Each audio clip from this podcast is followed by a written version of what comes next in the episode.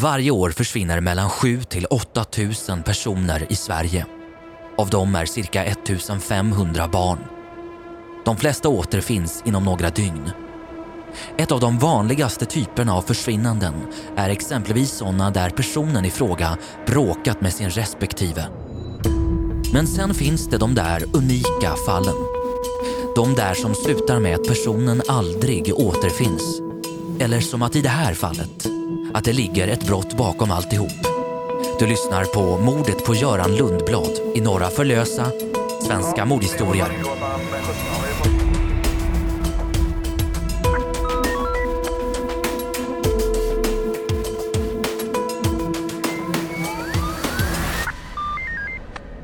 Hjärtligt välkomna ska ni vara tillbaka till podcasten Svenska mordhistorier med mig Sebastian Krantz.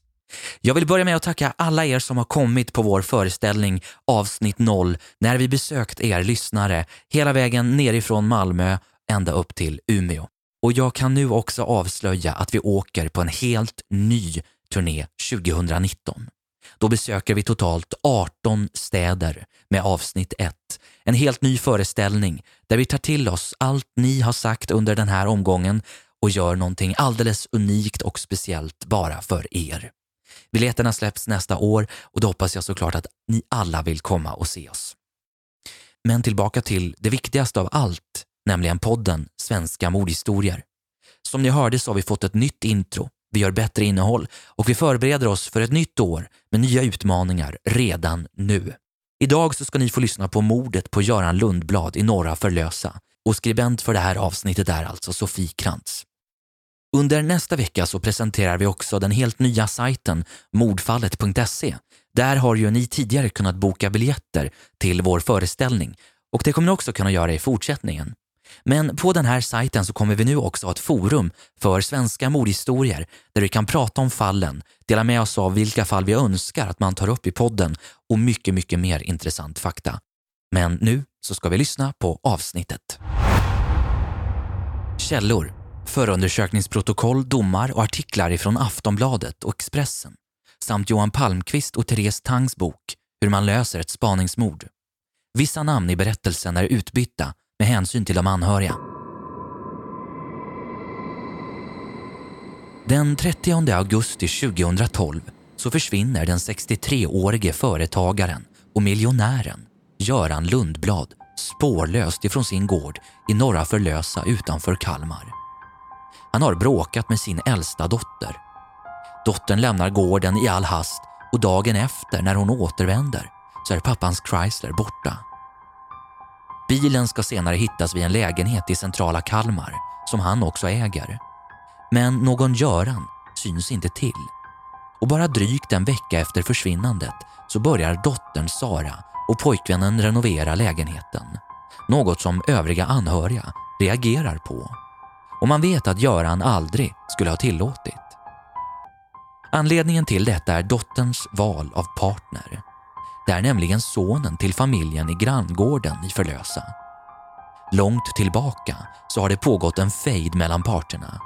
Göran har därför aldrig accepterat pojkvännen och skulle aldrig tillåtit att han skulle bo i någon av hans fastigheter. Det ska ta över två år innan det här försvinnandet får en lösning. Där en kvinna som arbetar som operativ chef för Missing People i Kalmar bestämt sig för att ta reda på sanningen.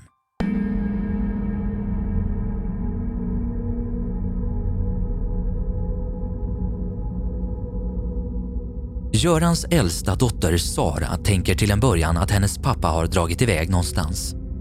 Han är mångmiljonär och skulle kunna åka vart som helst, när som helst. Men Göran har en till dotter som är halvsyster till Sara och den 6 september så fyller hon 18 år. Det har då gått drygt en vecka sedan Görans försvinnande och det är nu som den yngsta dottern Louise börjar bli orolig för sin pappa. Han skulle aldrig missa hennes födelsedag. Speciellt inte dagen då hon blir myndig. Och fyra dagar senare, den 10 september, så anmäler Sara sin far försvunnen. Men vi ska backa tillbaka en tid för att förstå helheten i den här historien.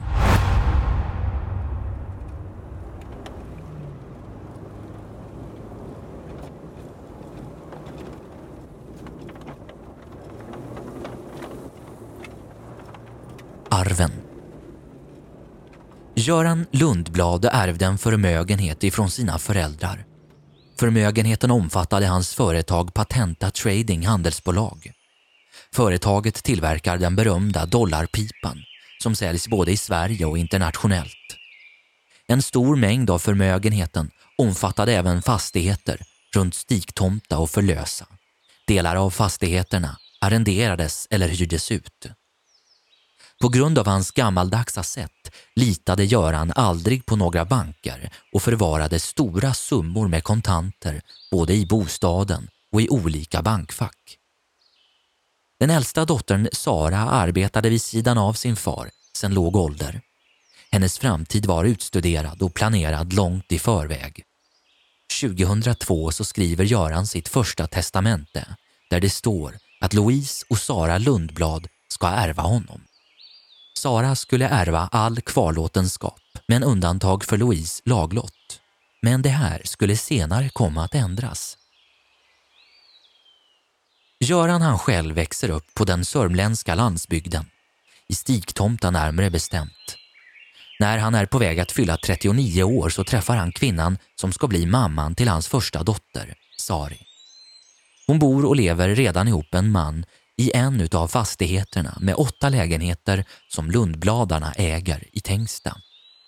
Där brukar Göran övernatta när han har ärenden i stan eller bara för att se efter lägenhetshuset. De båda faller för varandra och när Sari skiljer sig ifrån sin dåvarande make så är hon redan gravid i andra månaden.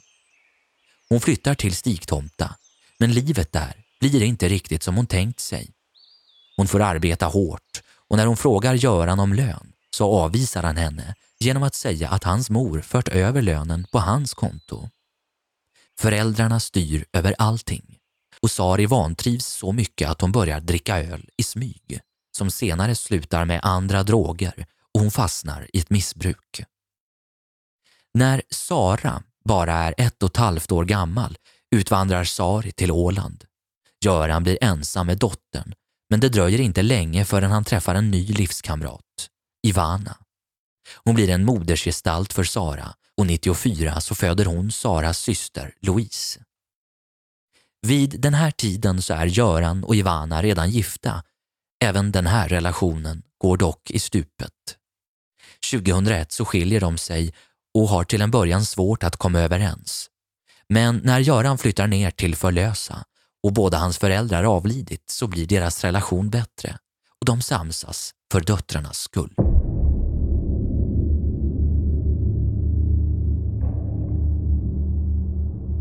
–2009 så träffar Sara Martin Törnblad som bor i granngården i norra Förlösa. Pappa Göran ställer sig omedelbart emot förhållandet. Anledningen?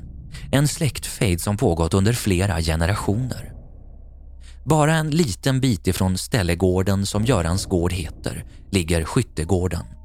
Under 50-talet hamnar en bit mark utanför kartorna vid Lantmäteriets mätningar. Och just den här markbiten blir det en stor fejdom. Marken ligger precis mitt emellan Lundblads marker och grannfamiljen Törnblads. Det är mycket viktigt för båda parterna att få den och ingen vill vika sig. Men till slut så hjälper en medlare till och man kommer överens om att dela marken i två delar. Och det här är den största orsaken till den långa fejden. Enligt vittnen och anhöriga så hade Göran uttryckt sitt missnöje med dotterns pojkvän många gånger. Han ska ha sagt att Martin Törnblad kliver aldrig över mina trösklar. Han tycker inte att Martin är god nog åt Sara. Han anser att hon kan få vem hon vill. Men egentligen så har Sara en god relation till sin far. Hon har vuxit upp med enbart honom som närvarande förälder och den lilla tid som de var lediga brukade de spendera med att åka över till Öland för att äta på restauranger eller bara strosa omkring. Så länge de inte pratade om Martin så hade de en helt vanlig far och dotterrelation. Kanske till och med bättre än många andra. Martin är tre år yngre än Sara och 18 år gammal sommaren som de blir ett par. Då har de redan varit vänner under en tid. Allt börjar med långa telefonsamtal när Sara börjar den skogliga basutbildningen. Kanske var hon ensam när hon var så långt hemifrån. De har många saker gemensamt. Han är ju lantbrukarson och van vid det hårda arbetet och tidiga morgnar året runt, precis som Sara. Relationen utvecklas och snart flyttar Sara i princip in i granngården tillsammans med Martin. Det ryktas dock om att Martin ska ha skrytit om att han fått den rikaste arvtagerskan i hela Kalmar på kroken. Att målet är att han en dag själv ska bli rik. Och det här får Göran veta. Men trots det så väljer Sara att stanna med Martin men fortsätter arbeta med sin far var dag. Det sades att Martins far Roger Törnblad är belånad upp över öronen. Hans nya svärdotter för över pengar vid flera tillfällen för att hjälpa till. Och det är nu som Göran ändrar sitt testamente och hotar till och med att göra henne helt arvslös. Han kan inte lita på dottern längre. Så i slutet på 2011 så skriver han om sitt testamente som tidigare stått till Saras fördel. Enligt testamentet är det numera Louise Lundblad som kommer att ärva den större delen. Och det är bland annat testamentet och en rad andra omständigheter som gör försvinnandet så märkligt. Enligt uppgifter skulle Göran utesluta Sara efter den 6 september 2012 då Louise fyller 18 år.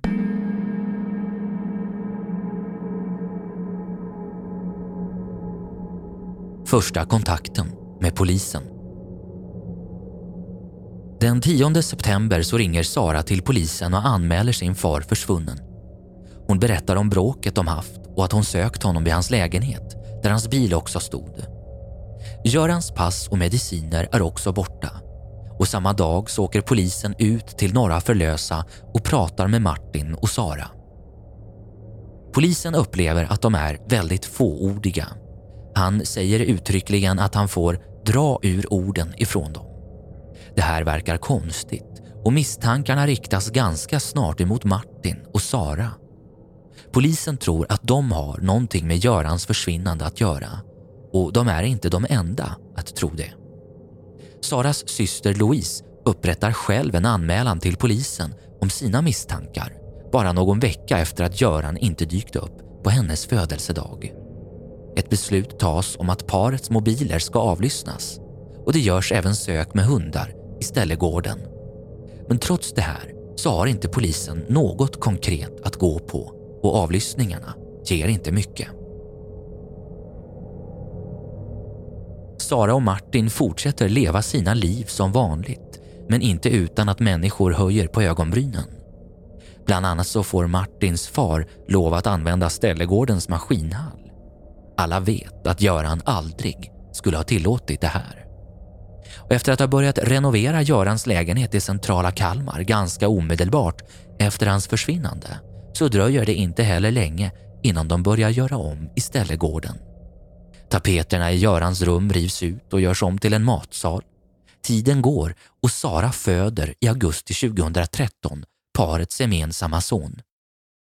Men det blir inte riktigt som de tänkt sig. Pengarna som de tror att de ska komma åt blir det inget av. Göran är inte dödförklarad trots att polisen misstänker att han är död och hela den ekonomiska biten hanteras av en god man. Och pengarna som faktiskt var Saras efter ändringen av testamentet 2011 är slut för länge sedan. Dels på grund av de stora överföringarna till Martins far. Missing People Den första kontakten med Missing People görs redan i oktober 2012 alltså cirka två månader efter Görans försvinnande. Det är Saras syster Louise som gör kontakten efter att hon hört att de precis är i uppstarten i Kalmar län. Första sökinsatsen efter Göran sker i november 2012 på Vasallgatan i Kalmar. Alltså vid lägenheten där Görans bil hittades. Ett antal personer deltar vid söket men man hittar ingenting annat än ett par mobiltelefoner som inte har någon koppling alls till Göran. Tiden mellan 2012 till 2014 skedde ovanligt många försvinnanden i Kalmar län och fallet med Göran lades åt sidan. Under den här perioden så börjar Sara och Martins förhållande bli knackigt. Småbarnslivet tär på relationen. Martin är svartsjuk på att sonen tar det mesta av Saras uppmärksamhet och han tar inte ansvar på det sättet som en förälder ska.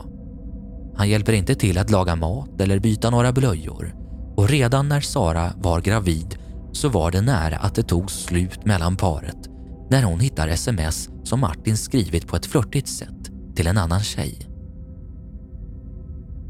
Therese Tang, som är operativ chef för Missing People i Kalmar, vill påbörja nya sök efter Göran 2014.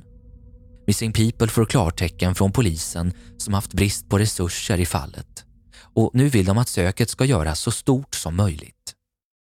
Lördagen den 17 maj så börjar man söka i och runt omkring Norra Förlösa.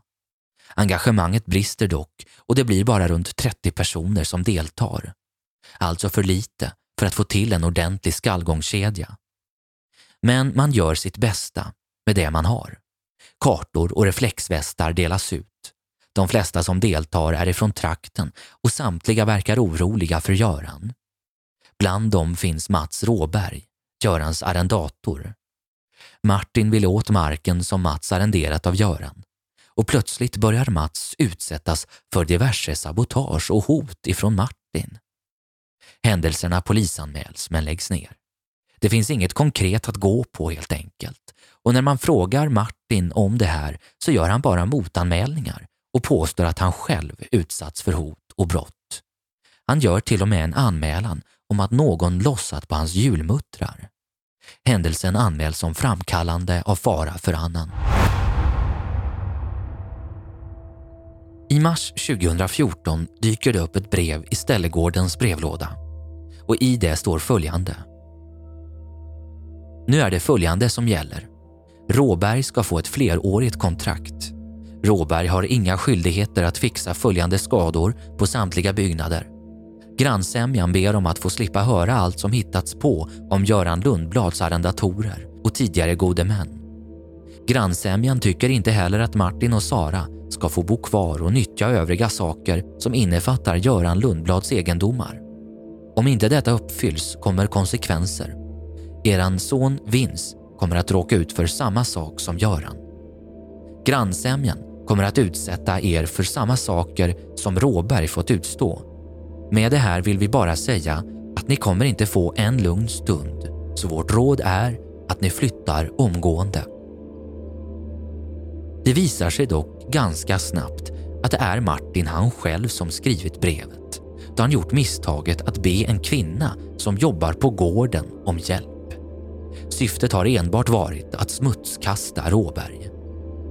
Men om vi går tillbaka till helgen den 17 till 18 maj 2014 så försöker Therese Tang efter dagens sök som inte gav någonting att få tag i Sara Lundblad. Anledningen är att hon och hundföraren vill in i ställegården och göra ett sök. Hon får till slut tag i Sara som då befinner sig i Stigtomta.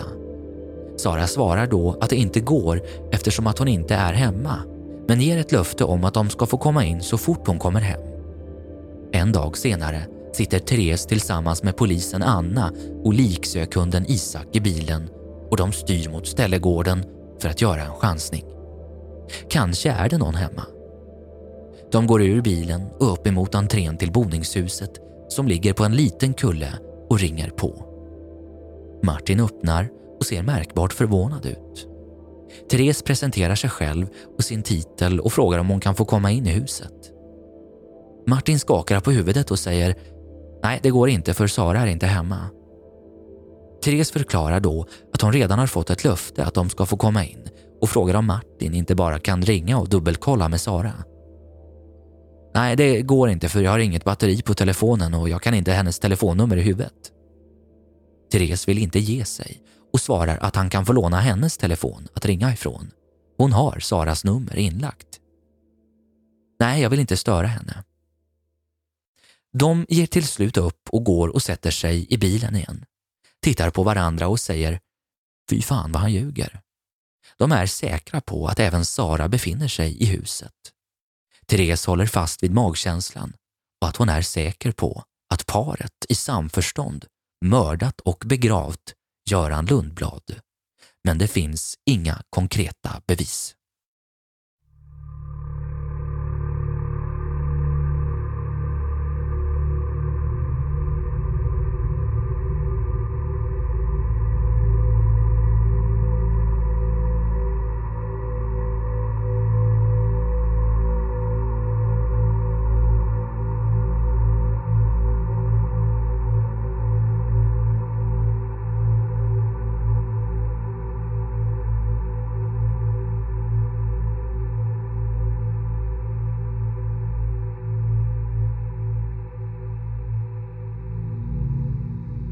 Vid ett senare sök så ser Therese och kollegan Anders Lindfors att Sara och Martin kommer gåendes med barnvagn.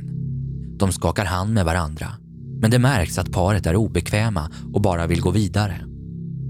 Therese pratar om söket och berättar att hundarna markerat vid en göl att de ska fortsätta söka för att se vad det betyder. Martin börjar prata om konflikterna i trakten och att både polisen och andra försöker sätta dit dem. Sara blänger till på Martin ibland. Therese försöker ingiva en förtroendekänsla och beklagar vad de varit med om. Några dagar efter samtalet var det dags att söka på ett sista ställe för dagen. Då kommer Martin med sin bil och parkerar bredvid. Therese har pratat öppet om liklukt, styckade kroppar, gödselbrunnar och så vidare. Martin börjar ställa frågor om det går att spåra hagelkulor, om det gick att kontrollera konton i Schweiz väldigt suspekta frågor för en oskyldig person att ställa. Therese ber i alla fall Martin att sätta sig ner med sin pappa och Sara för att prata om allting som hänt.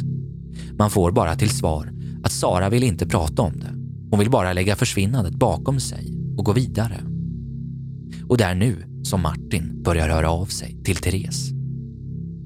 En vecka innan midsommar så tar Sara med sig sonen och sin häst upp till Stigtomta Förhållandet är på bristningsgränsen och Sara har träffat en annan. Martin lämnas kvar. 20 över 11 på kvällen den 17 juni 2014 så plingar det till i Therese Tangs mobil. Det är Martin. Hennes falska förtroendeingivande verkar ha fungerat. Men hon har aldrig gett honom sitt telefonnummer. Men det är ingen konst att ta reda på. Genom sitt arbete med Missing People så har hon ändå någon form av offentlighet hon är även frisör och stylist och har drivit flera bloggar. Alla hennes uppgifter finns helt enkelt bara en Google-sökning bort. Han skriver att han vill prata med henne. Martin berättar att han har lite personliga problem, men ingen att prata med. Han nämner att han inte vet om han kan lita på henne. Therese intygar att hon har full sekretess och att allt han vill prata om stannar hos henne. Och samtidigt som sms-konversationen är igång så skriver Therese till sina kollegor på Missing People via Facebook. Flera av kollegorna tycker att han verkar vara intresserad av henne. Hon håller till en början inte med förrän hon får följande sms. Mitt huvud tänker inte på att hitta Göran när jag tänker på dig. Utan jag tänker på att jag undrar hur du mår och hur ditt liv ser ut. Du kom ifrån ingenstans och plötsligt känns det som att du skulle betyda lite mer än en vanlig människa. Känner mig lite dum när jag skriver så här och lite rädd för hur du ska ta det. Till slut så ringer Martin upp Therese. Det blir ett mycket märkligt samtal som kommer att pågå i över fyra timmar.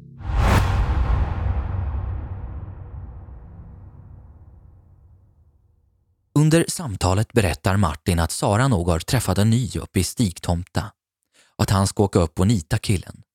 Han säger även att han föll för Therese första gången han såg henne. Att han är van vid att få det han vill ha och nu har ställt in sig på henne.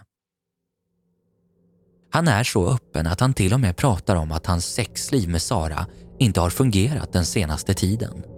Therese spelar till viss del med, men håller hela tiden fast vid sin roll i Missing People. Det Martin inte vet är att hon i början av samtalet har hämtat en annan telefon som hon samtidigt kan spela in hela deras samtal med. Natten har blivit morgon den 18 juni när de slutligen lägger på. Under dagen smsar Martin om att han måste få träffa Therese. Han har någonting som han måste få berätta för henne. På helgen jobbar hon på arresten i Västervik och har ett övernattningsrum i sin kollegas bostad i Gamleby. Det är en bit för Martin att åka. Oron växer i Therese. Ska hon träffa honom ensam? Tänk om han erkänner någonting eller blir våldsam? Som en försiktighetsåtgärd så kontaktar hon polisen och ber om hjälp. De säger till Therese att hon inte ska kontakta Martin utan låta honom komma till henne.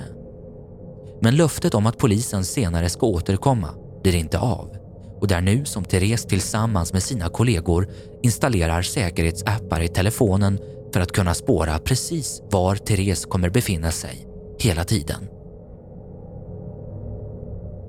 Hon vill träffa honom på ett café där det hela tiden finns människor runt omkring ifall någonting skulle gå snett. Men det kommer inte bli så. På morgonen den 19 juni så ringer Martin och väcker henne för att tala om att han är på väg. Hon var ju hela tiden inne på att hon inte ville träffa honom ensam men ger till slut med sig på att han får komma. Men att direkt när fiket i stan öppnar så ska de åka och äta frukost. Therese ser hur den champagnefärgade Saben rullar in på gårdsplanen. Ifrån fönstret bevakar hon honom när han sitter kvar i bilen en stund. Han är märkbart nervös. Fäller ner spegeln för att fixa till håret. Hon ser att han är nervös. Då har hon övertaget. Klockan är inte mer än 07.30 på morgonen när Martin kliver in i villan. Han har en annan agenda med besöket än vad Therese har. Han har tänkt att de ska kolla på film och mysa. Hon vill locka fram ett erkännande. Martin ljuger om att han varit i slagsmål dagen innan med Saras nya kille. Men det tror Therese inte på och säger till Martin. Om vi ska kunna bygga någonting i framtiden så måste jag lita på att du säger sanningen till mig. Det dröjer inte länge innan orden strömmar ur Martin. Han och Sara har i samförstånd mördat Göran och grävt ner kroppen. Han berättar hur Sara sover över i ställegården. Han berättar hur Sara sover över i ställegården den här natten och släpper in honom tidigt på morgonen. Med sig har han ett gevär. Han går in i rummet där Göran ligger och sover. Göran ligger vänd emot väggen men vaknar och vänder sig om. Han är på väg att skrika. Men innan han hinner få någon luft i lungorna så skjuter Martin ett skott som träffar honom rakt i ansiktet. Rummet fylls av en stank av urin och avföring. Görans öga flyger ut ur huvudet och blir dubbelt så stort. Samtidigt så har Martin bett Sara sätta sig ute på trappan. Hon vill inte se när hennes far mördas. Hysteriskt sitter hon och gråter. Han ber henne hämta en blå presenning och ett rep. Mordet är noggrant förberett. Dagen innan har de grävt en grav på Törnblads marker och tagit ett gevär ifrån Martins pappas vapenskåp. Tillsammans lastar de på kroppen på Saras röda pickup. Therese tror inte sina öron. Vad är det hon just har fått berättat för sig? Men hon behåller lugnet och förklarar för Martin att han måste visa exakt vart kroppen finns. På nedervåningen finns en karta som han kan peka ut platsen på. De går ner för trappan och Therese ser till att Martin går ner först. Han kan ju komma på vad han precis har gjort och putta ner henne. Samtidigt som de går ner så börjar hon spela in på sin mobiltelefon. Han visar med precision exakt vart Göran ligger begravd. Fortsättningsvis berättar han om hur han åkt flera mil för att slänga tomhylsan i ett vattendrag. Hur han krossade och slängde delarna av Görans mobil i en gödselbrunn samt eldade upp hans pass i vedkaminen hemma på gården och hur han och Sara tapetserat om för att dölja blodspåren. Efter flera timmars berättande lägger sig Martin i fosterställning och klagar på ont i magen och illamående. Han är märkbart tagen. Therese föreslår att de ska åka in till stan för att äta frukost. Efter frukosten skiljs de åt och hon kontaktar polisen. Martin grips i sitt föräldrarhem bara några timmar senare och allt det som han berättar för Therese ska visa sig stämma. Görans kropp grävs upp, man hittar vapnet och när tapeterna rivs ner i ställegården hittas tydliga indikationer på blod. Och två dagar senare så grips även Sara.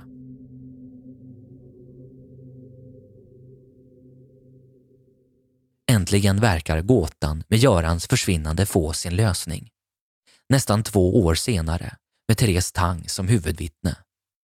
Åtal väcks mot paret den 17 november 2014 och den 20 januari 2015 så döms båda två till 18 års fängelse för mord.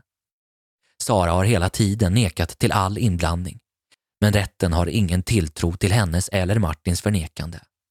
Hovrätten fastställer tingsrättens dom den 28 april senare samma år.